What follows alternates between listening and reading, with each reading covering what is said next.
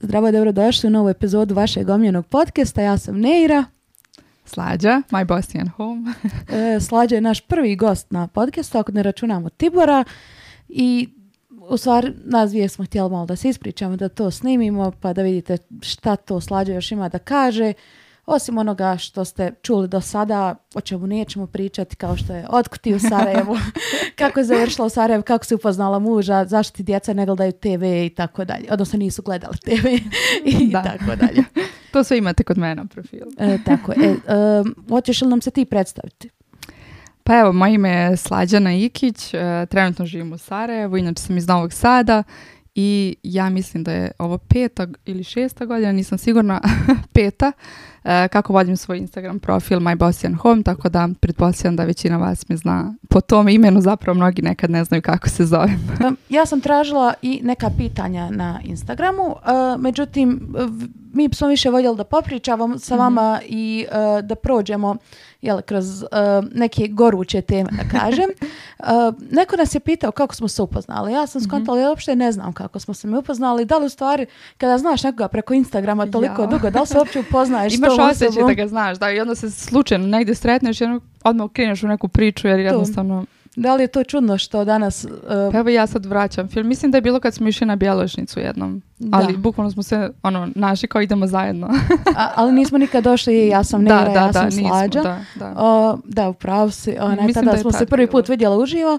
Ali da li, meni je baš zanimljivo to kako imaš osjećaj da znaš nekoga sa mhm. Instagrama. I onda to može imati svoje pozitivne i negativne strane. Tek onda shvatiš kako se zapravo ljudi koji nas prate osjećaju. Upravo. I da li te to plaši? Pa što mene nekada plaši? pa bude mi onako čudno, ne znam, kad se negde pojim pa mi neko pita sve o deci, sve o mužu, sve, a ja sam ono kao izvinite, ko ste vi? I onda shvatim da je to neka osoba koja me prati duže vrijeme i upoznata je sa mnogim stvarima. Tako da ono, bude momenata kad mi to bude malo čudno. U stvari, da li si ti svjesna uh, upravo zbog toga posljedica što stavljaš, toga, što stavljaš na internet, jer meni se često desi da nešto upoznam tek osobu mhm. ili na poslu hoću da ispričam nešto šta se meni desilo, svi kažu znam. znam da. Ili dođu mi ljudi u kuću, kažu ja kao da sam već bio ovdje. I onda koliko god je to i pozitivno, toliko mene i svaki put kad mi tako neko kaže, mene prepadne. I onda zamislim kako, šta ja to mhm. sve stavljam na internet. To je meni bilo smiješno jer ja svojim prijateljicama kažem što mi ne pošaljete poruku, šta vam je, što se ne Kažem pa mi sve znamo, sve smo videle, bilo si tu, to ste jeli, to ste radili. I onda ja njima kažem pa dobro, to je samo mali deo, nije i onda ja namjerno kažem nešto strašno što nisam objavila na Instagram. Neko, evo vidite, ovo niste znali, da ste me zvali, znali bi. E, uglavnom nije sve na Instagramu. E, ljudi imaju utisak da nas znaju, ali evo, ona čuvena, to je samo 15 sekundi ta jedan story i neka je u danu 10 storija, to je 150 sekundi mog dana, što definitivno nije ceo moj dan, ali ne razumijem zašto se stiče utisak da, da nas svi poznaju i to je nekako deo ovog posla i svesna sam toga, rekla bih sve više i više i sve više i više dobro obraćam pažnju. Šta se postavlja na Instagram, kad, kako, na koji način. E, nekad na početku je to možda bilo sve u real time-u, sve onako bez nekog puno razmišljanja. Evo me ovdje, evo me tamo. Onda sam imala, pa mogu reći nekoliko i neprijatnih i neugodnih situacija i nekoliko lepih situacija da me neko sačeka ako želi da me upozna, zna gde sam. tad, tad mi se negde ono osvestilo da možda treba malo ipak uh, povući neku granicu, tako da većina mojih istorija danas nisu u real time-u. Opet nekako se trudimo svi mi neku tu autentičnost i, i preneti taj neki stvarni život, ali opet uh, svi mi ipak želimo da sačuvamo neki deo naše privatnosti jer mislim da smo sve više svi svesni koliko je to malo uzelo maha. Tako da ovaj, pa rekla bih da 50% storija mojih nisu u real time, pogotovo ako negde putujemo, znači ja ako stavim, ne znam, story da putujemo, to vratno znači da smo već stigli. Tako da te neke stvari ja to malo više obraćam pažnju. Da, baš sam se pronašla u toj situaciji kada se vratiš od na kliniku te ništa ne pitaju, onda ja kad krenem prepričat, svi kažu znamo, vidjeli smo. Da, ono, to nije sve, mogu vam ja ispričati još nešto, ali onda se nekad i zateknem i shvatim da možda jeste sve, da stvarno mhm. prepričavam nešto što sam već napisala. Um, tako da ja sam u stvari to je bio jedan veliki razlog zašto sam i odlučila da odem sa mhm. YouTube-a. Ali vratit ćemo se na te teme privatnosti, onaj, sigurnosti, e, malo lakše teme za početak. Sad se vratila iz Amerike. Mhm. Zanima me kako je prošlo putovanje sa dvoje male djece. Koliko tvoje sinovi sada imaju? E, stari Lazar, on ima tri i po godine, a mlađi Andre godinu i po, godinu i po znači dvije godine je razlika. E, mi smo se suđeli da odemo na drugi kraj svijeta sa njih dvojicom. Mislim, moje glavi to nije bilo ništa strašno, ali onako kako vas ljudi krenu pitati jeste normalni, onda shvatite kao da to možda jeste big deal. Ali šta znam nekako, meni nije bila opcija da idemo bez njih, a ukazala se jednostavno poslovna prilika kod supruga da, da idemo i nije mi bila opcija ni da ne idemo. Tako da neko jedino logično je bilo da idemo svi zajedno i mislim da nije moglo bolje ispasti.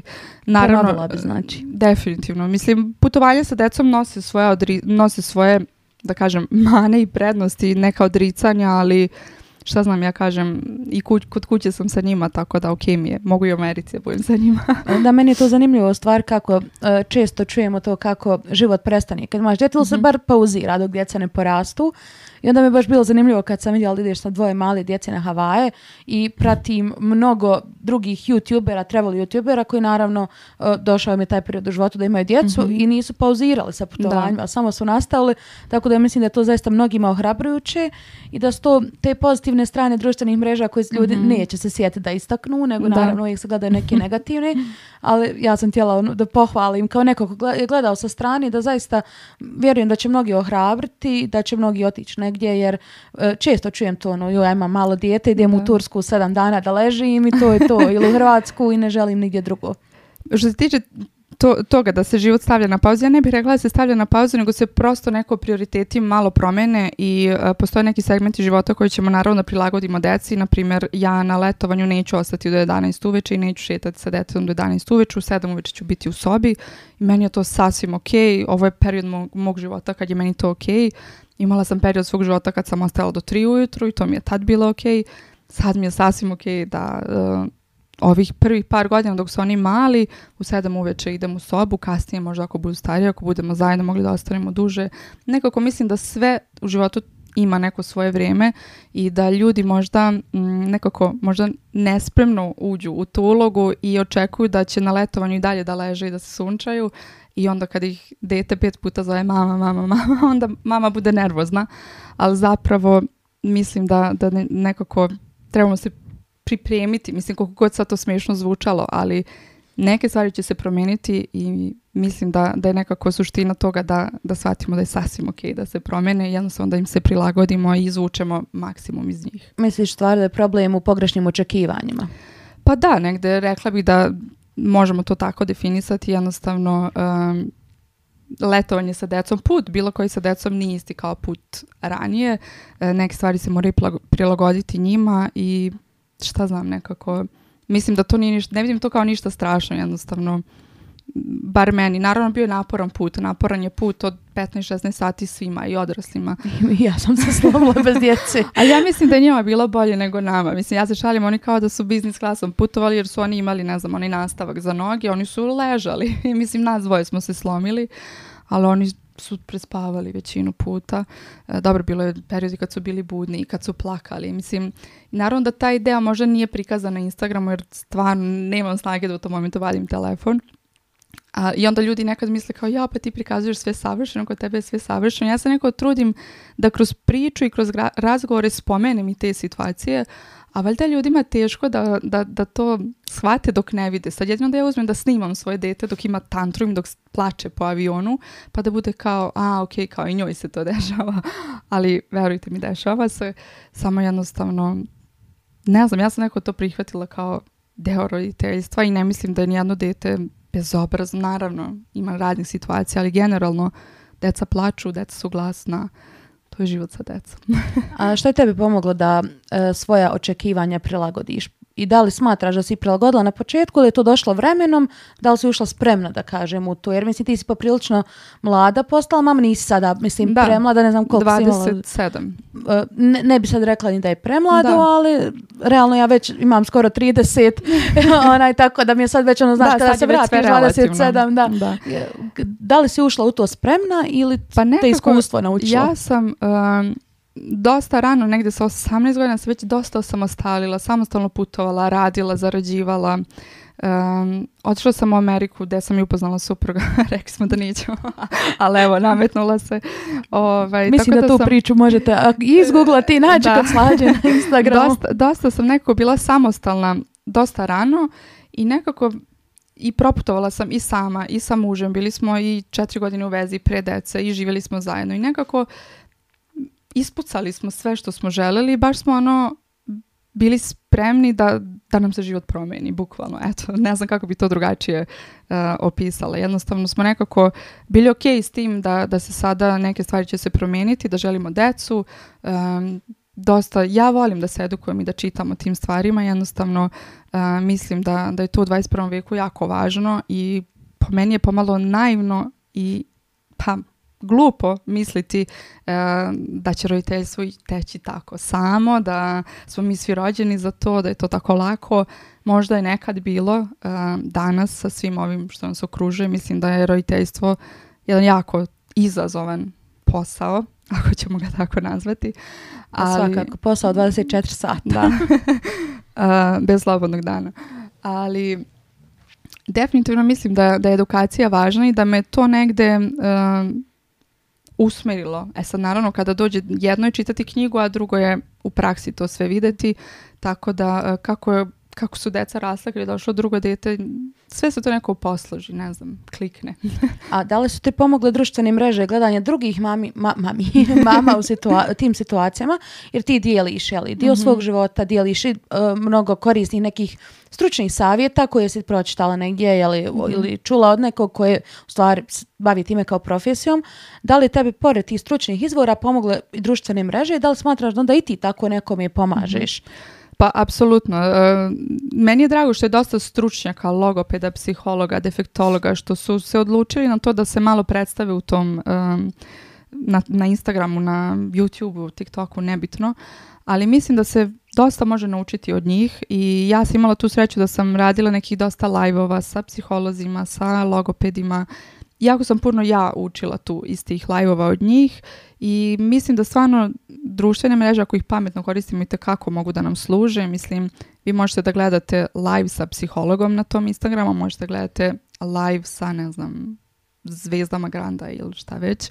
Znači na vama je kako konzumirate taj sadržaj, tako da definitivno može da se nauči svašta, može da bude korisno drago mi je što, što ti stručnjaci to dosta onako laički jednostavno objašnjavaju na dobrim primjerima i meni je uvijek drago da nekako podelim sa svojim pratiteljkama mislim da su mi većina žene pratitelji, e, tako da govorim uvijek u ženskom rodu, ali volim da podelim te profile sa njima i mislim da im budu korisni i E, generalno ja uvijek volim da se ogradim da kažem da ja nisam ni psiholog ni neki stručnjak, ja sam mama i ono što ja delim je moje iskustvo. E, apsolutno ne mora biti ispravno i apsolutno ne mora biti ispravno za svakoga. Ja uvijek kažem da nekako sve te stvari vezano za, za decu svako treba svoj porodici da prilagodi, znači je odgovara da spava sa bebom, nekome odgovara da ne spava, šta god za vas funkcioniše to radite, Naravno, postoje neke stvari koje su jednostavno crno-bele,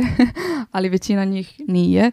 Tako da, dosta je veliki pritisak na roditeljima. Generalno ja bih voljela da se, to, da se roditelji mogu malo više opustiti. Mislim da bi onda svima bilo dosta lakše. Malo, kao da smo negdje usput zaborili da uživamo u tom roditeljstvu. A jesi li ti opuštena kao roditelj? Pa nisam. pa što, mislim, ono što sebe ljudi često predstavljaju na društvenim mrežama kao babarogu, koja svoju djecu, ono, vojnički, vojnički idu na spavanje, da, da, da, ne gledaju TV, ne jedu slatko. E, ja razumijem s, jedne strane zašto neko ko možda se nije edukovao o tome mm bi to rekao, ja niti imam djecu, niti sam blizu toga da imam djecu, ali e, ono što možda ne znate o meni da sam veliki, jako me interesuje psihologija, odgoj i to je svima uvijek bilo smiješno, ali ja već znači zadnjih ne znam koliko imamo društvene mreže, kada je krenuo baby boom e, na društvenim mrežama prije 5-6 godina, uvijek mi je bilo veoma zanimljivo i mhm. odgojene metode i psihologija i kako u stvari to utječe na nas kao odrasle. Znači, um, počela sam da prepoznajem neke e, paterne dešavanja, e, ponašanja kod ljudi koje vidim da su prouzrokovane možda mhm. nečim što se, o čem se sada priča. I sada da. nama je to možda čudno zamisliti da neko ko je sada beba od godinu i pol će biti sutra odrasla osoba naših godina i veoma često viđam jeli, onaj, i ljude naših godina koji e, E, kojima su roditelji nešto govorili i sada oni na određeni način se ponašaju. Mhm. Naravno, to što kažeš nije crno-bijelo, svakom je različito.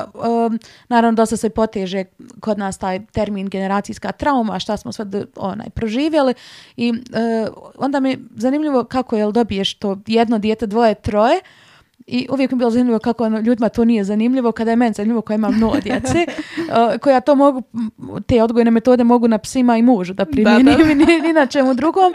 E, upravo te društvene mreže može da nisu postojale, ja ne bih znala da postoje mhm. e, ni dječji, mislim ne bi razmišljala ni o dječjim psiholozima, ni odgoj djeci, ni da li se treba gledati TV do mhm. druge godine, ni da li se treba jesti slatko, ali na primjer krenula sam od svojih prehrambenih navika. Mhm. naravno naši roditelji su radili najbolje što, što su znali ali uh, mislim ja sam rođena usred rata u Sarajevo, stvarno moja mama je, ja uvijek kažem da je sada ima malu djecu bi bila kao i ti mhm. majka vjerovatno ono ona je, ona imala i knjige, uh, ja sjećam ti debelih knjiga, ono moje dijete i mhm. slično i sve je pratila što je mogla, ali naravno kada nije imala resurse, ni internet, ni, hranu odgovarajuću, naravno da nije mogla jele, da, da uh, da, da mi usadi te navke kako bih ja možda voljela mhm. da su usađene. ali onda sam ja sada sebi sama odlučila, jer sam postala svjesna toga da mijenjam te neke navke. Onda mi je zanimljivo kako određenja možeš to djetetu da uradiš. A još mi je zanimljivije, kada ja Tiboru ispričam neke te stvari, njemu to sve common sense. Ja sam njemu jednom čak ispričala i možeš misliti ona, kako slađu sad razlače po internetu, jer djetetu nije dala slatko do druge godine. I on je rekao, ali zar to nije common sense? Kaže, zašto bi ko davao djetetu? Rekao, otkud tebi to? Majke, kaže, pa zašto bi ko dao djetetu monte do druge godine?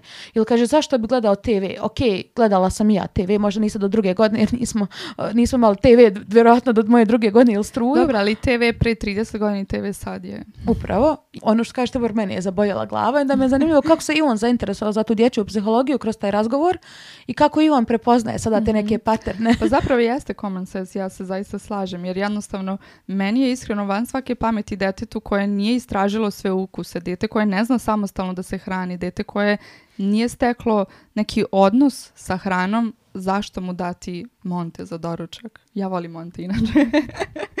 Ali ovaj, e, meni je neko drago što u, uz te zdrave neke navike smo se i suprug i ja počeli menjati i voditi zdrave navike i meni je zanimljivo sada, evo, suprug recimo od maja ne jede nikako šećer, deca isto redko, tači Andrej ne jede nikako, laki ponekad, ja isto ne jedem sad šećer, tako da ono kažemo, mi smo kuća bez šećera. I sad koliko god to zvučalo, ne znam, vojnički, nije to uvek tako, mislim. E, mi smo jednostavno kuća koji se ne kupuju te stvari, ne postoji fioka sa slatkišima, e, ne postoji nagrada e, u vidu hrane, ne želim da stvarno tu neku emocionalnu vezanost za hranu, pogotovo za slatkiše, zaista smatram da to nije dobro i da time ničim dobro, ništa dobro neću uraditi. E, ja razumem roditelji da jednostavno nekad nemaju snage, nemaju volje, nisu dovoljno edukovani. 1001 je razlog, e, apsolutno ne zalazim u to, ali je meni e, nekako van svake pameti nekoga ko je odlučio to da radi negativno prozivati, jer jednostavno zaista mislim da su tu stvari crne, crno-bele. Jednostavno možemo se svi složiti da taj šećer nije zdrav, um, ok, ješće ga nekad kasnije, ali hajde da to dete prvo uvede sve namirnice, hajde da nauči samostalno da se jede, da jede, hajde da bez problema ruča, večera, ima obroke, jede bez ekrana, hajde da ustalimo te neke navike, pa ok, može kasnije da ide na rođendan, da jede. Mene svi zamišljaju, ja mislim da, da trčim za svojim detetom na rođendan i da motima mafin, što apsolutno nije tako. Do druge godine nismo nešto ni išli na rođendane, na slavlja. on prosto nije znao kako izgleda čokolada, mislim, on kad je vidio u supermarketu njemu isto da li to prašak ili čokolada, dete nije jelo. Znao je šta su hurme, znao je šta je voće, znao je, to je znao tražiti ali jednostavno stvari koje ne znam dete nije tražili. Svi mi pitaju pa kako kad ti traži? Pa ne traži. I to ljudima ono kao pff, kao kako?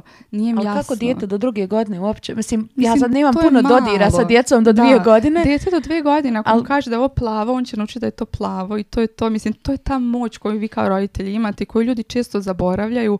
Ogromna moć i ogromna odgovornost. Jer jednostavno, to što uradite u prvih 5, 6, 10, nebitno, godina stvarno ostavlja ogroman trag na, na, na to dete u svakom pogledu i meni je to nekad, ja to toliko vidim da mi je to nekad zastrašujuće i zato se stalno trudim da balansiram između toga svega što pročitam i znam i toga što šta mogu i šta radim, jer e, nekad je teško uraditi nešto što znate da je pogrešno i znate kolika je to odgovornost. Naravno, neće niko od nas sad napraviti neku ogromnu traumu u svom djecu ako nekad nešto uradi, ali ja nekako mislim da, da svi trebamo težiti tome da budemo bolji e, i prema sebi i sutra prema svojoj deci. Tako da e, taj čuveni šećer i ekrani su, ja mislim, onako jedna dosta aktualna aktuelna tema uvek meni je fascinantno da je to ak- aktuelno i dalje. Ja, ja neko uvijek mislim da je tu već sve ispričano, da tu nema šta. imam osjećaj da su tebi ljudi, da tvoj identitet sada povezuju sa, sa ekranima i šećerom. Da, jedna mama mi je, izvini, jedna mama me je baš pitala, sad kad smo imali let taj od... Um, 15-16 sati stari sin je ovi avionu gledao, ima je onaj tablet i on je dok je bio buda nešto gledao ja sam to nešto snimila i ona kao aha, vidiš da gleda. Mislim, Naravno da gleda, ja nikad nisam rekla da posle druge, da on nikad neće gledati i da on nikad neće pojesti tortu. E, meni je žao što ljudi to shvate kao krajnost, e, što ne vide da jednostavno to je sve neki proces. Nije sada, nije, nije, nisam ja za drugi njegov rođan rekla, e, sad ćeš da jedeš šećer, sad ćeš da gledaš crtane. Evo ti Milka, velika. jednostavno to, to je krenulo poste, pa sam sam od tad postala da kažem, ono, ok sa tim da, da nekad nešto uzme. Ranije mu jednostavno nisam to davala i to, to, to uopšte nije bilo toliko teško. Znači, ljudi misle da je to nešto preteško, da je to nešto... To je zapravo vrlo, vrlo jednostavno. Dete ima svoje užine koje voli, koje mu ponese tako idete u park i to je to. vrlo jednostavno. A da li smatraš da na društvenim mrežama smo izgubili pravo da mijenjamo mišljenje? Jer eh, ti si nekako u jednom trenutku rekla moje dijete ne gleda TV, mhm ja se sad ne sjećam, naravno, da li ti rekla nije, nisi sigurno rekla rekla će nikada, mhm. ali su ljudi shvatili da tvoj djete neće nikada jer si rekla da, trenutno ne gleda i a, sve da se ti predomisla i dala djetetu jedan dan sa sedam mjeseci nisi mogla više da izdržiš, dala smo TV, ljudi su znači aha, i meni se znalo deset, tako hiljadu puta da nešto kažem mhm. i mi kao ljudi normalno da mijenjamo mišljenje. Jel? E, isto kao što se mnogim i javnim ličnostima zamjeraju stvari koje su rečene prije 30 mhm. godina za, mislim, to očigledno nije posljedica društvenih mreža jer to je posljedica ljudske prirode. Da. Ali da li smatraš da smo nekako izgubili pravo da promijenimo mišljenje? Jeste, apsolutno. Ima nekad osjećaj da se samo čeka greška neka, da se samo čeka aha, to, ja, ja ne mogu da verujem da, da se to sve zapamti, kad je ko šta rekao. Zato jednostavno ta, ta neka javna riječ zaista ima veliku težinu. Ehm, ja mislim da, da jesmo negdje izgubili pravo da promijenimo mišljenje, što je meni bez veze, jer mislim da svi treba da, da promjerimo mišljenja s vremena na vrijeme. E, jednostavno, e, slađana sada i slađana prije pet godina nije ista osoba. Drago mi da nije ista osoba, malo bi bilo tužno da jeste. Tako da, e, mislim da da je to zapravo nekako jedino fer i pošteno da kažemo, e ljudi, ja sam mislila da je ovo dobro, sad ipak mislim da nije, šta vi mislite? Nekako ne znam, ja bih voljela da se Instagram i sve to shvati onako kao samo kao neka opcija, u smislu evo ovako ja odgajam dete, ovo ja radim. Pa ti sad iz toga uzmi 2%, neko će uzeti 5%, 5% uzmi iz neke knjige, 5% uradi sam, nekako napravi onako kako tebi odgovara niko ovdje nikome ne piše u inbox, moraš to da radiš, moraš to da radiš, moraš da kupiš ovo. Meni je to isto, e, evo, evo, um, i kad govorimo o nekim proizvodima, ne znam kad kažu, uh, oni influenceri samo izlače pare. Niko od nas, ja mislim, nikome nije poslao inbox, moraš ovaj šampon da kupiš. Znači, ovo je neki moj javni prostor, ja tu prezentujem stvari koje ja volim, koristim, želim da vam predstavim Sad, da li ćete ga vi kupiti? Nećete. Da li ćete prvenuti očima? ja to niti znam, e, niti je da kažem poenta da znam. Zapravo, ja mislim da iz toga treba izvući nešto korisno. Ja recimo ako vidim kod nekog, kod tebe pasta maker, ja mogu da kažem, a ovo želim, pa da onda istražim, da kažem, a ipak neću ovaj što ona ima, ja ću kupim drugi, ja mislim da je drugi bolji, ali si mi opet ti dala neku ideju, ti si napravila recenziju, čitala si mi neko vrijeme. Nekako mislim da se stvarno može izvući toliko toga pozitivnog, a ljudi opet svaki dan biraju da izvuku negativno, što mi je stvarno ono... Tužno. Meni je zanimljivo jer ja sam prva veliki konzument društvenih mreža, uvijek sam bila i mhm. uvijek ću vjerovatno i da budem.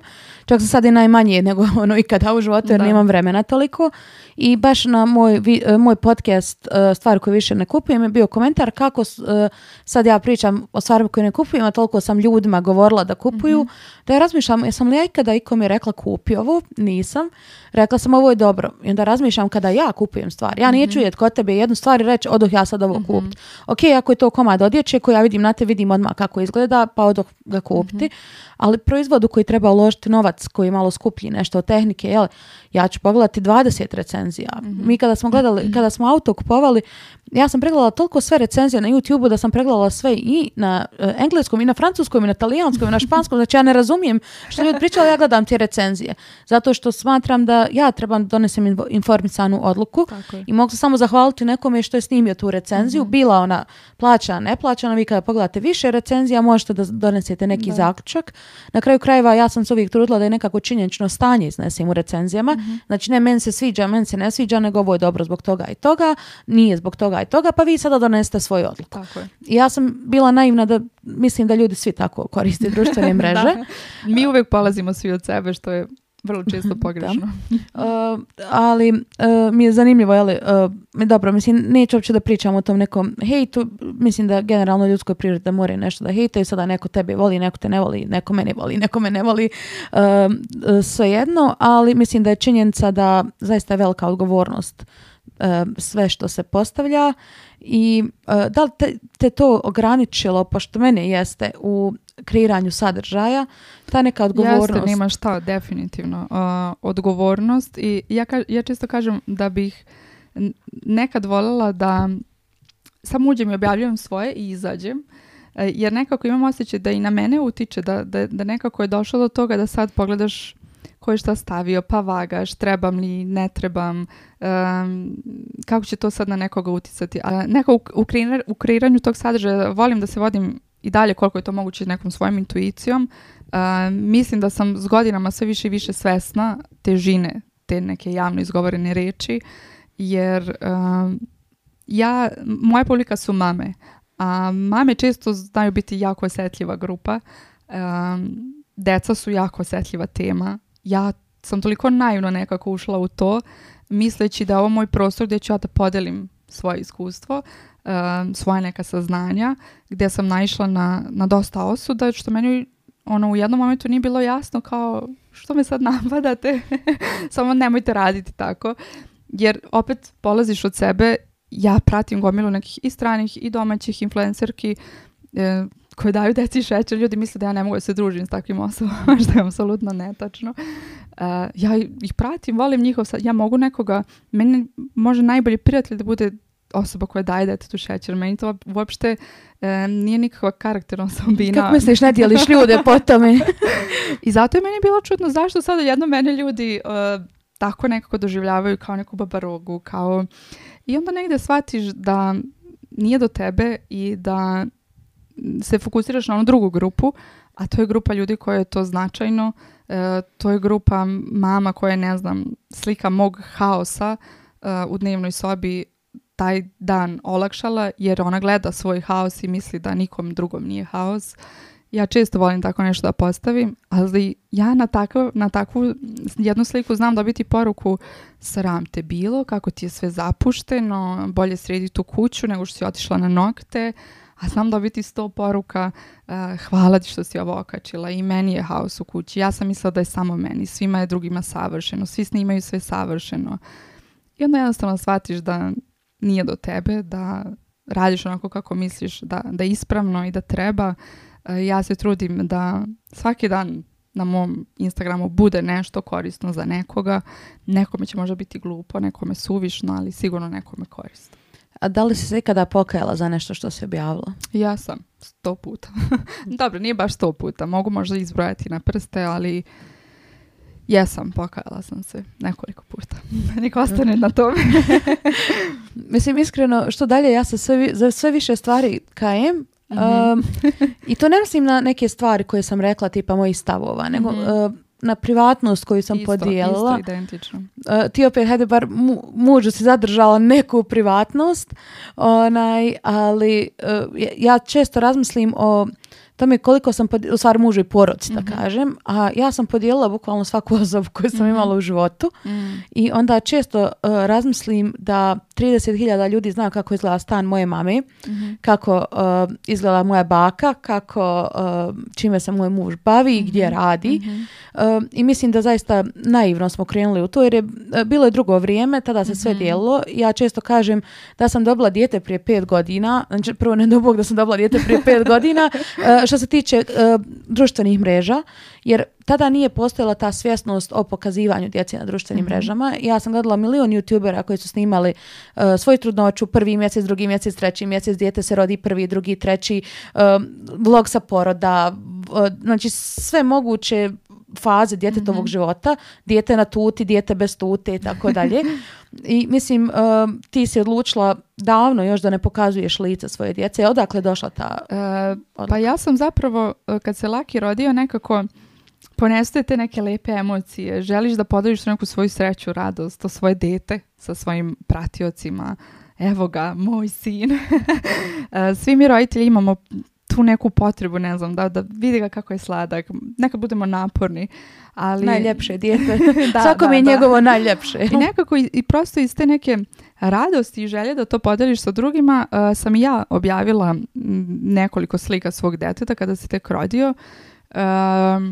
Mislim da se negdje oko njegovog četvrtog mjeseca prestalo totalno da objavljujem slike na kojima se vidi lice, a Andreja nikada nisam objavila. Um, tu negdje oko Lakijevog četvrtog, petog mjeseca se ta neka odluka u meni, da kažem, prelomila. I do tada, otkako se on rodio, je to meni negdje stajalo u, u, u mozgu, ali kažem, ponesete ta neka sreća, neka emocija i, I, ljudi su pisali da ga vidimo, da ga vidim. Nisam ga ja stavljala prvi desetak dana i onda sam objavila i tad kad sam objavila nije mi neki osjećaj dao mira. Bilo mi je to onako, ne znam, kao, kao da sam sad dala neki deo sebe koji je bio samo moj do tog momenta, a tako značajan deo sebe. I onda sam negde, bilo je tu sad nekih radnih situacija, ali sam shvatila da ne želim da sutra moj dete ode u park sa bakom i da svi znaju ko je on. Mislim, to sad zvuči malo kao svi znaju ko sam ja, pa svi znaju ko je moje dete. E, Sarajevo je dosta mali grad, dosta ljudi e, zna ko sam, zna, zna čime se bavim, šta radim i negdje sam voljela koliko, željela koliko je moguće da njih izostavim iz toga, mada oni su deo mog života i oni su tu i vide se nekad s leđa, nekad ali se zaista sve više trudim i želim da ih što manje prikazujem, da što manje budu deo tog svijeta. Najviše nekako jer, mislim, znamo svi te priče kako se dečje slike koriste u razne grozne svrhe. Meni iskreno to nije bio prvi glavni motiv. To mi je onako negde totalno ono grozno da nisam stigla, stigla ni da mislim puno o tome negde moji, moji motivi su više lične prirode u smislu mog posla. Da je moj profil privatan i da imam 200 svojih prijatelja, vjerojatno bi svaka druga slika bila sa decom. Ali jednostavno, moj profil je otvoren i javan i nemam kontrolu nad tim. Koga prati, koga gleda, ne želim da svako zna kako mi dete izgleda. Prija mi da odem negde sa njim i da niko ne zna da je to moje dete. um, prija mi nekako taj osjećaj da sam ga sakrila nekako. Um, I dalje je dosta toga, da kažem, prikazano, ali bih negdje voljela da bude njihova odluka da li žele da se kako žele da se predstave na, na, na ne znam, na Instagramu, na što god bude, kad oni budu imali društvene mreže. Um, nekako ja sam izabrala da se izložim i ja svesno čitam hate komentare, ja svesno dajem svoju privatnost njih niko to nije pitao i ne želim da ja donesem tu odluku za njih.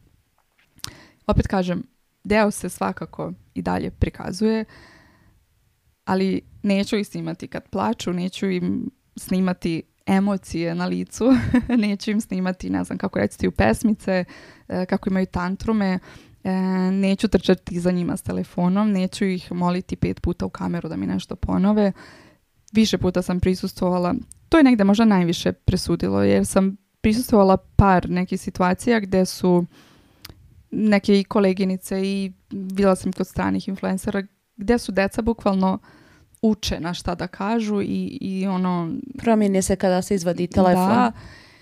I meni je to tako bilo strašno u tom momentu da sam samo pomislila ne želim da, da radim ovo. I ja se zaista trudim da kad god ih nešto slikam u nekoj igri, u nečemu, da oni apsolutno ne skontaju da ih slikam, jer to je uvek sleđa i to je uvek onako... ja ako ne uspem da u roku od 10 sekundi napravim tu sliku, ja odustanem. Apsolutno nisam sad ono kao moramo, moramo, moramo. A znam kako je kad stvarno moraš. E, i, I to onda s decom stvarno bude e, nekad raspad sistema. Oni plaču, oni hoće se igraju, pogotovo manja deca. Mislim, njima nije do slikanja. I nisam žela da budem ta osoba koja će to neko da radi i kažem, puno je faktora uticalo na to, ali neko kad sam donijela tu odluku, to je tako neki mir bio u meni da sam ono 100% sigurno da je to ispravno i apsolutno bih isto uradila. Sad mi je žao što sam uopšte išta objavljivala, eto. A da li, e, da li smatraš da vremenom će možda to samo da rasti kako ti su ti djeca veća jer kada je beba ti njemu možeš objaviti lice mhm. ili ne objaviti lice da, i da dojili ili ne dojili da. A, meni je to i drugi par rukava jer nije samo ni staviti stiker djetetu preko, mhm. ono, preko lica mhm. nego što kada to dijete krene u osnovnu školu hajde može da će svi onaj, i zaboraviti šta se da, desilo prije 7 godina, možda neko neće, ali kada se radi o djeci školskog doba, mhm. koja kada se snimaju i slikaju i stavljaju, mhm. e, onda jeli, njihovi vršnjaci znaju kako im izgleda soba i kako im izgledaju roditelji, čime im se roditelj bave i šta radi.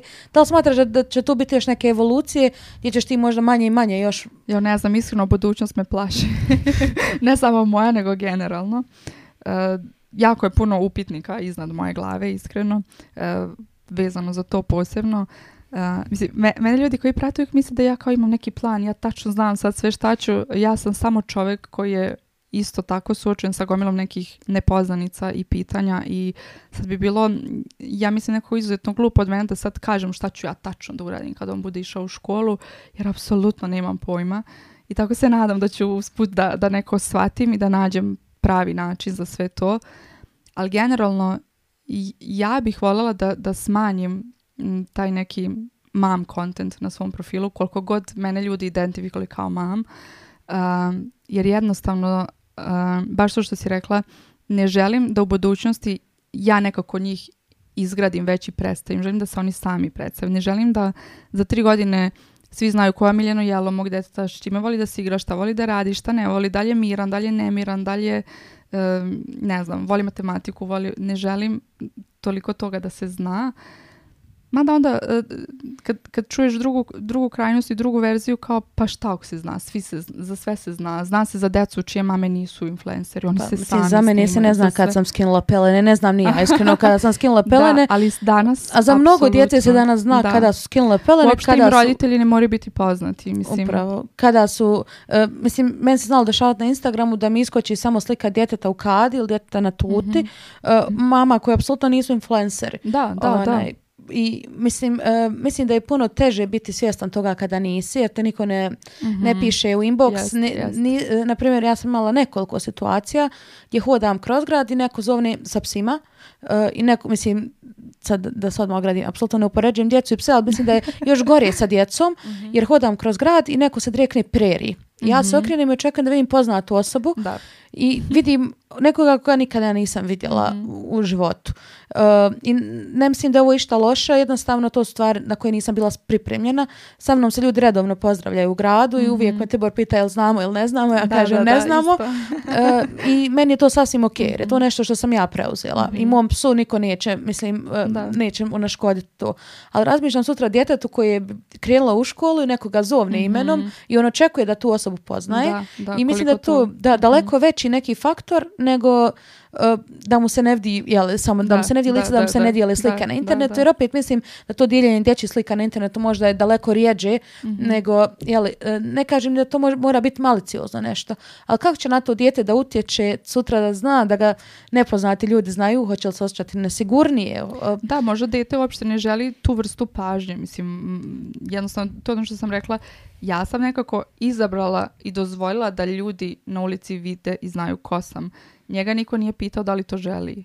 Tako da iz tog nekog razloga bih maksimalno voljela da, da smanjim i ovo sad što se prikazuje, jer nekako um, sve više uviđam te neke negativne strane svega toga, ali kažem opet, niko nas nije učio kako se ovo radi. ja mislim da niko od nas nije seo jedan dan i rekao, e sad ću ja da budem influencer, sad ću ja to i to.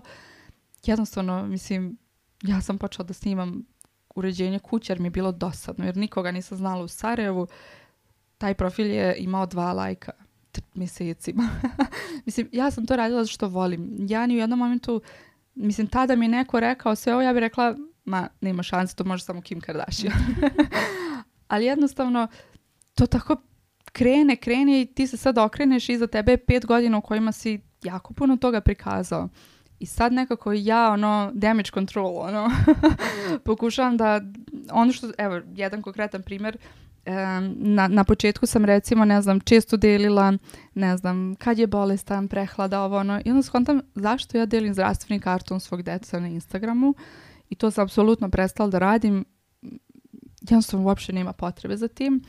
E, negde možda nekad nešto napišem, čisto kao iskustvo u smislu probali smo to i to, pomaže nam, ne znam, kad je zapušen nosić, inhalacija, ne znam, to i to, ali neću napisati kao, e, danas mi išli da vadimo krv, danas je bilo to i to. Mislim, što ljudi pišu i dele, onda kreće gomila poruka inbox, šta trebaš da radiš, šta ne trebaš da radiš, kod koga doktora da ideš, gomila nekih savjeta, ljudi iz najbolje namere koji žele da pomognu, tebi to u tom momentu apsolutno odmaže jer ti imaš bolesno dete i telefon koji ti non stop zvrnda, onda zovu rodbina, familija, svi, šta je bilo, videli smo. Ja onda skontam, bože, zašto? to su neke stvari koje apsolutno više ne radim, a ima ih dosta, ali ljudi valjda i dalje imaju osjećaj da sve znaju. I, ali meni je okej okay što ja znam da ne znaju što ja negde, ono, ne znam, pet dana umirem s decom koja su bolesna, ali to se na Instagramu ne vidi i meni je sasvim okej okay da postoji slađa i da postoji My Boston Home – i da jednostavno neki ljudi nikada neće upoznati slađu i dugo mi je to bio onako neki konflikt u meni jer sam nekako imala potrebu da upoznaju slađu, a sad mi je sasvim ok da je ne upoznaju i sasvim je ok da, da su to dve onako persone. da, ti sad, mislim, nekoliko puta si rekla, mi smo pristali na to da dijelimo, da nas neko zna ja nekako nisam nikada imala osjećaj da sam pristala na neke stvari jer meni je to došlo prirodno. Mm. Ja sam blog otvorila sa 18 godina, znači čitav svoj odrasli život, ja dijelim stvari na internetu. I e, onda kada mi u jednom trenutku postalo previše da svi znaju sve o meni, e, e, jer već su to stvari koje ja ne mogu da povučem. Mhm. Svi znaju mhm. i gdje, ne sad lokaciju gdje živim, ali da u kući, da ne živim u mhm. stanu, uh, znaju mi muža, znaju odakle, koliko smo dugo zajedno, znaju gdje mi roditelji žive, znaju kako stan im izgleda, znaju da imam sestru. To su jednostavno stvari koje su dolazile godinama, meni su bile sasvim prirodne i da se razumijemo, meni je bilo divno pokazivati svoj život i zarađivati na tome. Ja ne kažem, ja sam uživala u svakom trenutku snimanja, meni je to bio posao i snova, da ja živim, to snimam, nekom i pomognem sa nekim savjetima i zaista dobro zarađujem od toga. Jer da se mhm. ne lažem od influencinga se zarađuje daleko bolje nego od većine poslova, jel, prosječnih da mhm. kažem. Međutim, u jednom trenutku mi jednostavno više nije bilo vrijedno te zarade i e, ja sam tačno imala taj kat kada više nisam mogla da dijelim sve i mhm. sada mi je žao što neke stvari ne, mogu povući jer opet e, neki dan su mi kolege s posla bila kod mene kuće i tko kogod je ušao rekao, evo ja sam ovdje već bila, ja ovo znam, znam kako je poznata mi ova kuća i naravno, da, mislim, to su ljudi s kojima ja dijelim mhm. svoj život, ono, s kojim više vremena provodim nego sa, sa bilo kim drugim i naravno da mi je okej okay da su to oni, ali onda znam da to 30.000 ljudi zna kako meni mhm. kuća izgleda, ima mišljenje o mojoj kući što, jel, što sam, ono, meni to nije nikada ne smetalo da ljudi imaju mhm. mišljenje jer smatram da svaku treba i može imati svoje mišljenje ali sjećam se, ono pokažem da sam okrećala sobu u crno, ljudi kažu ne valja to. Ili kada sam objavila da sam e, pronašla drugi posao i da napuštam influencing, bio jedan komentar, nikada neću zaboraviti, spominjala sam ga već podcastu, vidjet ćeš ti to, tebi neće valjati, ne možeš ti raditi u firmi. Meni je rekao, ovo je razlog zašto sam to uradila. Da. Što, e, ne, da mi ne može neko drugi imati mišljenje li o mom mhm. poslu. Ja sada imam svoj posao i smatram da dobro radim svoj posao, e, ali niko ne zna ništa o tome. Znači to zna moj tim, moja mhm. menadžerica, moja firma i niko drugi ne zna moje poslovne uspjehe, poslovne neuspjehe, svejedno uh, moj život. I kada sam pričala... jako prija, moram da kažem. Ali s druge strane ima taj dio mene koji voli, cijeni i voli veoma ljude koji su mi vjerni, koji me prate mhm. i sa kojima ja svakodnevno imam komunikaciju, ja toga nisam mogla odreći. I mhm. zato sam našla ovaj balans sada evo da, radim, da, pa da džaba se, radim sada. se tu neka lepa zajednica. Mislim, ja sam čak i postala prijatelj sa nekim ženama s kojima sam u isto vrijeme bila trudna recimo sa, sa Lakijem prvi put. Da, meni je veoma bitno da naglasimo sad da ne ispadne da mi pljujemo društvene mreže ili ljude koje nas prate. E, upravo zbog toga ja sam prestala ovo radim kao posao, mhm. znači prestala sam da radim iz nekog ličnog interesa koji sam imala jeli, uz to uživanje, sam imala logično interes jer mi je posao i mislim da je to dokaz što sam nastavila i bez Eh, tog posla da, da radim, da pričam s ljudima, da skroz besplatno kreiram sadržaj bez mhm. ikakvih saradnji, monetizacije i tako dalje. Zato što stvarno eh, toliki broj ljudi ima koji eh, ja znam da mi zatreba bilo šta u bilo kojem trenutku da će ti ljudi biti tu za mene i kada njima bilo šta zatreba da ću im ja odgovoriti, a i dalje odgovaram dnevno na veliki broj poruka gdje ljudi šta god im padne na pamet meni mhm. pošalju jer osjećaju neku blisko sa mnom. I ja bi tako voljela da se to može održati bez dijeljenja neke privatnosti, ali mislim da jedno jedno i drugo su neizostavna stvar mhm. da ti ako ne dijeliš svoj privatni život, pa bar filtriran, mhm. da ne možeš steći tu, tu... Pa jeste, ja iskreno uh, ljude koji pa dobro, ovdje sad možda, ne znam da, li će se dobro izraziti, ali jednostavno ljudi koji samo plasiraju neki onako ušminkani lep sadržaj, bez toga da nam pokažu ko su oni, šta misle, šta žele, šta vole, šta ne vole. Ja ne smatram to influencerima, jer na mene to nekako ne može da utiče. Ja, ok, super me što ti koristiš taj taj šampon, ali zašto, ko si ti, šta voliš da radiš, šta ne voliš. Mislim da može se do neke granice to graditi, ali ta neka prisnost i ta, to neko poverenje ljudi teško bez tog nekog ličnog aspekta Mislim da je to jednostavno miks svega, sad na nama je negdje da pronađemo taj balans. A, mislim da ovaj posao ne može da radi neko koga ne voli. Mislim da svako od nas, ok, e, na jednu stranu zarada i sve to što dolazi sa tim, ali svi mi smo negdje počeli bez zarade, radili smo godinama bez ikakve zarade. Mislim da je to jedino ta neka ljubav prema kreiranju sadržaja nas negdje vodila i držala tu.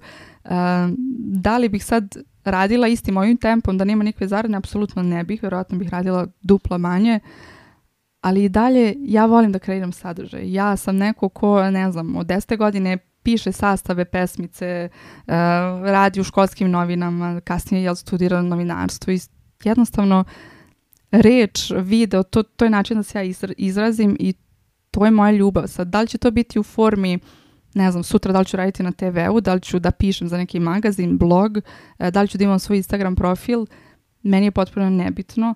E, jednostavno, mislim da, da se ta neka ljubav osjeti i da bez nje teško da se može sad nešto istrajati i dosta ljudi je sad nekako mm, ponese se tim kao ja hoću ja da budem Instagram, čuo sam influencer, čuo sam da tu sad može puno se zaradi, e, kako, kako sad to? a aj, meni često stigne paruka kako ja sad to da radim, kako ja sad da se javim. Mislim, ja to stvarno ne mogu jednoj porici da napišem. Mislim, ja svima ko mi to pitaju kažem nemoj da budeš influencer. ne želiš. Ovaj, svi vide tu jednu stranu medalje i svi vide tu neku lepu stranu, ali mislim da ovaj posao baš ono ima dosta, evo ta privatnost je samo jedna od, e, da kažem, nekih e, druge strane medalje. E, baš sam nedavno gledala na, na TikToku jednu našu ovdje iz Sarajeva psihološkinju koja je negdje pričala o influencerima i ona je, Jasna Barjaktarević, i ona je negdje rekla da većina influencera negde e, pa bukvalno bi trebalo da rade sa nekim u smislu neke psihoterapije ili nečega jer u, uopšte nije lako e, nositi se sa svim tim svakodnevno. E, ja sam se tu tako pronašla jer evo ja već neki godinu dana idem na, na psihoterapiju i stvarno mogu da kažem da je to meni život promijenilo. I sad mnogi misle, ja to kad sam napisala na Instagramu, meni su pitali pa šta ti je, šta je bilo? Ja govorim neko apsolutno ništa. Znači ja sam krenula na psihoterapiju u periodu svog života kad sam, ja mislim, najsrećnija bila i najzadovoljnija. I tako sam negde shvatila, ok, sad je vrijeme da radim na sebi, mm, uspeću da malo vremena, imam prostora za to. konačno sam nekako shvatila da, da mi treba to. I, ja bih hvala neko da, da ovaj, motivišemo ljude da, da, da negdje shvate da ići na psihoterapiju nije kad, kad te nešto boli, nije, nije da moraš sad ti nešto da pričaš o svom nije, da. Znači to je toliko za neki progres, za neki rad na sebi, za ma, toliko upozna, upoznate sebe. Ja, ja često dođem na psihoterapiju i skontam da je to prvi put u toj sedmici za sat vremena da sam imala vremena da neke stvari procesuiram. Jer kad me pita, pa dobro, kako si se osjećala tad, ja ono sedim, rekao, ne znam, nisam stigla da mislim o tom, Čak i da, da razmislim kako sam se osjećala, mislim. I onda shvatimo koliko brzo živimo i koliko eh, ne, ne bavimo se sobom jednostavno. A mislim da je to ključno, tu uvek ima posla. da li bi kada napustila taj posao i zamijenila ga za neki drugi? I za koji? Apsolutno, da sanjam o tome. za koji bi zamijela? E, pa, znaš kako, sad je to kao lako reći da, napustila bih, ali ja sam negdje svjesna da sam ja, pa neću reći, pa ok, zavisna. Mislim, zavisna od kreiranja sadržaja, zavisna od konzumiranja sadržaja. I, Isto, e, slažem se. I ljudi za neke stvari misle kao, ja, kako ti trebalo to da uradiš, da smisliš, a ja ono kao, ništa mi nije trebalo, sad sam to uradila, jer nekako dosta mi je to ušlo u rutinu, spontano mi je, lako mi je, nije mi teško, stvarno ono, pogotovo u stvarima kojima uživam, pogotovo kada su klijenti onako otvoreni, kada daju neku slobodu. Ja kad imam vremena, ne znam, kad mi nisu tu deca, kad imam dva sata, to nešto snimim, ja stvarno uživam u ta dva sata i nije mi teško ni da montiram posle, ni da ostanem uveče do kasu, ništa mi to nije teško, jer e, zaista nekako uživam. I, eh, to je deo ovoga kojeg ne znam kako bih bez toga. Ne, ne znam sad sutra da, da prestane, da nestane Instagram, da prestanem, da, da kreiram sadržaj. Ja ne znam, imam se da bi ja tako nešto snimala i montirala i ne znam, slala prijateljima na WhatsApp. Jer jednostavno na neki način sam zavisna od toga. A opet postoji ta druga strana medalje koja me često iscrpi, osjetim da sam na sto strana, nisam zadovoljna kako sam nešto podijelila, kako sam nešto radila, pa sam nezadovoljna kvalitetom nekog svog videa, žao mi što nisam imala više vremena da se potrudim, pa onda jednostavno desi se puno posla u nekom određenom vremenu gdje samo hajde radi, samo ono neka mas produkcija, ja to ne volim i onda sam svesna da sam izbacila neki sadržaj koji nije 100% ja, pa se onda grizem. I to je neka ta, ali neko to doživljavam kao manu koji svaki posao ima. A ako me pitaš koji je moj posao snova, to je da vodim jutarnji program. Čuli ste lokalne TV stanice. ja sam osoba koja voli, voli da ustaje rano, apsolutno nikakav problem u četiri ujutru da ustanem da sve obaveze završim do 12. E, televizija je moja velika ljubav, tako da mene često pitaju kao kako je počeo da se snimam i to ja to stvarno ne znam ljudima da objasnim jer nikad nisam razmišljala o tom, jednostavno sam studirala novinarstvo, bila sam izložena non stop tom nekom javnom nastupu, um, kamerama, posle i kroz praksu i kroz rad, e, kasnije u Americi, kroz neke edukacije i svašta nešto i negde je to kod mene išlo tako prirodno i zaista negde sebe vidim večno u ovom nekom formatu. Sad, da li će to biti Instagram ili jutarnji program, vidjet ćemo. pa ja sam da ćemo te gledati nekada. Mislim, ja te neću gledati jer se ne budim tako rano. to, je, to je apsolutno jedini posao koji bi ja radila za nula dinara, maraka, čega god. Nemojte ovo gledati. Ne, nemojte mi dati to Platite. Ali, zato kažem, Instagram je stvarno super i meni je ok da, da se nekako polovično bavim Instagramom, a da imam ovako neki drugi posao koji da kao ja sada. da, da, e pa ja tako nešto. Ali opet kažem, ne znam, i dalje sam svesna svoje zavisnosti od tog kreiranja sadržaja, da, da li bi to uh, bilo lako ili ne, ne znam. Trenutno nisam tu, trenutno sam 100% na Instagramu i dalje uh, i andri kod kuće sa mnom većinu vremena, ne ide u vrtić, tako da nema još jutarnjeg programa za mhm. mene. pa svakako možeš završiti jutarnji program dok se Andrej provodi ujutro. O, Andrej je ranoranilac, jedino sa mnom da ide. Jesi li ti bila uvijek ranoranilac ili kako si imala? Jesam, jesam. Pa ja sam onako bila malo luda, pa sam izabrala srednju školu koja je dva sata od mene, ako sam imala srednju školu blizu, ali sam ja žela da idem u jezičku gimnaziju, u Karlovačku gimnaziju, koja je dalje jel, od Sada, u drugom je mestu. Ja sam svako jutro u pet ustajala da idem, znači ja sam u srednjoj školi već imala to nešto. Tako da nikakav problem, ja jednostavno nisam neka spavalica. Da, sjećam se čak i ono, kad su bili izlasci, kad sam dugo ostajala, jel, do dva, tri, četiri, ja sam se u devet budila i nastavljala, tako da baš, ne znam da li sam u životu spala duže od devet, A da li ti je to pomoglo, da? Kad, u majčinstvu, pogotovo na početku?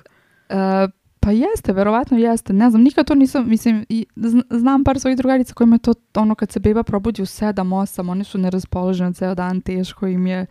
Šta znam, mislim da jeste prednost u suštini. Eh, ja volim da obavim sve ujutru, ja volim da ustanem u 6, da bukvalno sam do 9-10 gotova sa svim obavezama, veš, kuća, ručak, eh, sve te neke stvari koje svi mi radimo. I onda posle sam nekako slobodna i za tu igru. Mene često pitaju pa kad stigneš sve pa ustanem u 5-6 ujutro, mislim.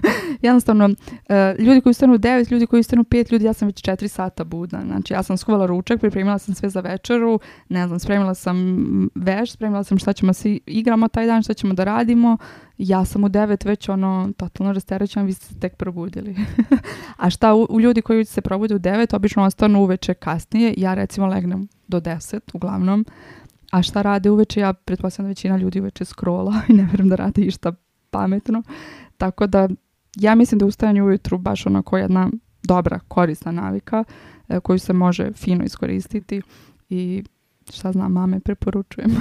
A koliko je tvoj posao utjecao u stvari na tvoje majčinstvo? Mislim na to što ti radiš od kuće faktički mhm. i ne samo da radiš od kuće, nego tvoj posao da snimaš svoj život. Znači, mhm. naravno tu ima mhm. e, mnogo stvari za scene. Ja, to, ja znam, možda ljudi ne znaju koliko tu ima još i mailova i dopisivanja i montiranja, ali ti to možeš vratiti, ali kad djeca legnu. Mhm. Da li e, smatraš da bi tvoje majčinstvo bilo drugačije da ti se moral nakon godinu dana vratiti na posao?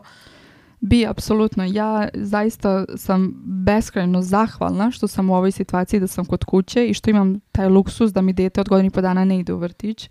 Zaista mislim da je to luksuz i e, apsolutno razumem mame koje, koje mi pišu onako pomalo sa dozom neke frustracije nemam ja živaca kad dođem u pet s posla da se igram sa njima. Apsolutno razumem. meni je stvarno u neku ruku žao jer, jer sam svesna koliko je teško i onda neko još više cenim ovo svoje vrijeme i, i ovo što sam nekako izgradila eh, jer imam zaista tu mogućnost da upravljam svojim vremenom da ako želim sad pet sati ne radim ništa, apsolutno budem sa tim detetom i mislim da je to u prve te neke tri godine eh, detetovog života baš onako važno i luksus koji jako, jako malo ljudi danas ima i stvarno sam zahvalna na, na, tome, ali nekako opet ne želim da budem skromna i sad da kažem to je meni sve palo s neba, nije mi palo s neba. Mm, koliko sad to zvučalo, može pretenciozno ali ja sam to tako planirala,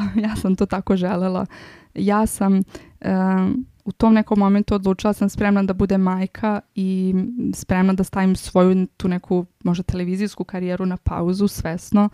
Instagram se desio negde usput i neko sam ga prihvatila i pokušala uklopiti u sve to. Eh, ali definitivno ehm, raditi ovaj posao sa decom zna biti jako izazovno. Ja imam da ljudi nekad misle da imam tri spremačice i dve babysitterke. Nemam. um, suprug i ja apsolutno sve radimo sami, nemamo čak ni neku mm, ekstremnu pomoć baka, deka, servisa i ostalo. Nekako eh, neko smo nas dvoje od starta tim koji um, radi sve zajedno i suprug radi od kuće i ja radim od kuće i to stvarno zna biti haotično jer se često izgubi ta linija kad je posao, kad je privatno, kad je naše vrijeme, kad je vrijeme s decom i to je nešto na čemu mi moramo da radimo i na čemu mi stalno pokušavamo da, da balansiramo. Eh, ono što hoću zapravo da kažem jeste da u, u, u svakom odnosu postoje neki problemi. U smislu, ako radite od 9 do 5, onda ste umorni i niste raspoloženi. Ako ste svi od kuće, onda je često, mislim, laki kad ne ide u vrtić, nama je nekad haos non stop, ne znam. Suprug radi, on radi po američkom radnom vremenu. Ja kao nikad ne radim, a uvek radim.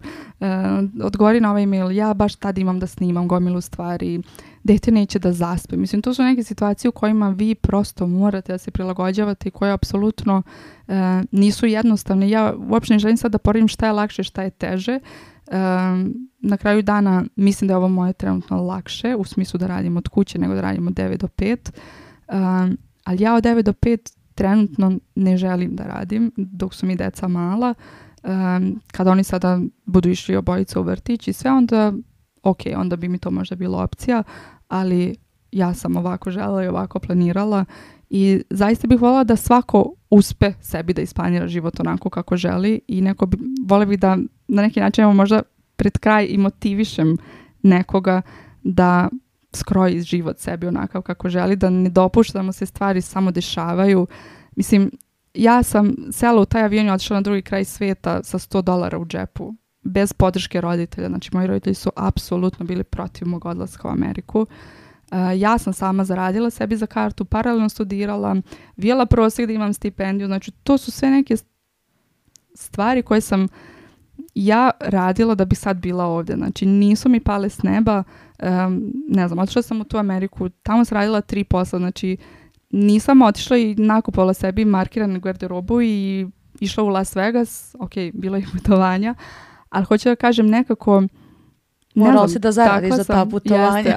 ali nekako sam takva da dosta gledam u budućnost i dosta nekako gledam, ok, gdje želim da budem za pet godina, tu i tu, ok, šta danas da uradim za to? Znači ne e, šta će neko drugi da uradi, da li će mi se srediti neki posao preko veze, da li će mi doći neko da me spasi, da mi nešto da, nego ok, šta ja danas mogu da uradim, kako ja danas da budem bolja i kako ja danas da idem jedan korak ka tom cilju, sutra drugi korak i za pet godina ću biti tamo, a ako samo sedim, teško.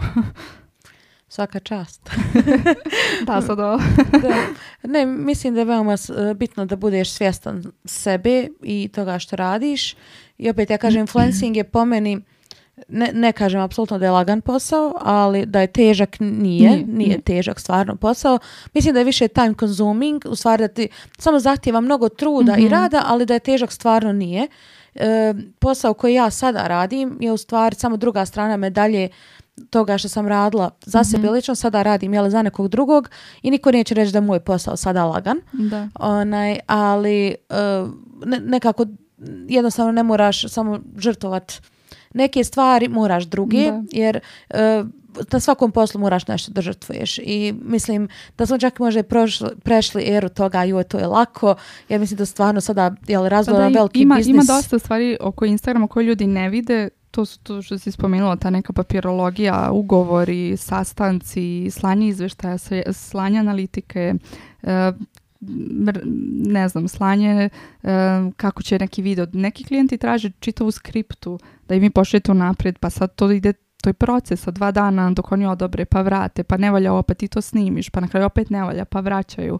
Sve više i klijenti neki postaju onako dosta zahtevni i sve više se i od nas dosta toga traži. Mislim, pogledajte samo sad ovaj Reels, Reels vida, mislim, to su TV reklame, znači ne, neki, neke moje kolege to toliko dobro urade da, da ja bukvalno pogledam i kažem, ok, ovo komotno može na TV, znači svaka čast. Ja s druge strane nemam skoro nikad toliko vremena da se posvetim kreiranju tog nekog sadržaja, jer što, ja, što ja često kažem mom mužu, eh, ja znači ovako jednom rukom kuvam ručak, uh, Andrej mi visi na nozi, odgovaram na mail, eh, onda se okrenem i smijem se jer snimam reels, pa se onda opet vratim jer mi je ručak zagoreo i tako je izgleda moj dan u većini slučajeva, a to je ono što ne vidite uglavnom na Instagramu, a tako je. Hvala ti Slađa puno. mislim da je zaista bilo zanimljivo i možda će neko nešto da nauči. Voljeli smo čemu i vaša mišljenja na ovu temu, e, pa jel da još malo prodiskutujemo. Da. Uh, jel tebi bilo lijepo ovdje kod nas ja, puno super, Ja da verujem da smo ovoliko pričali. da. Ma mogli smo mi još, mi, morali smo se zaustaviti, ali to možda bude u idućoj sezoni. Biće neki Da. E, ništa, hvala vam puno e, što ste slušali. E, možete da ocijenite podcast na svim podcast platformama, e, da se pretplatite na YouTube kanal i da komentaršite. Ostavit ću također i slađene društvene mreže u opisu videa. I to bi bilo to. Hvala svima. Hvala, hvala tebi na pozivu. Ćao. Ćao.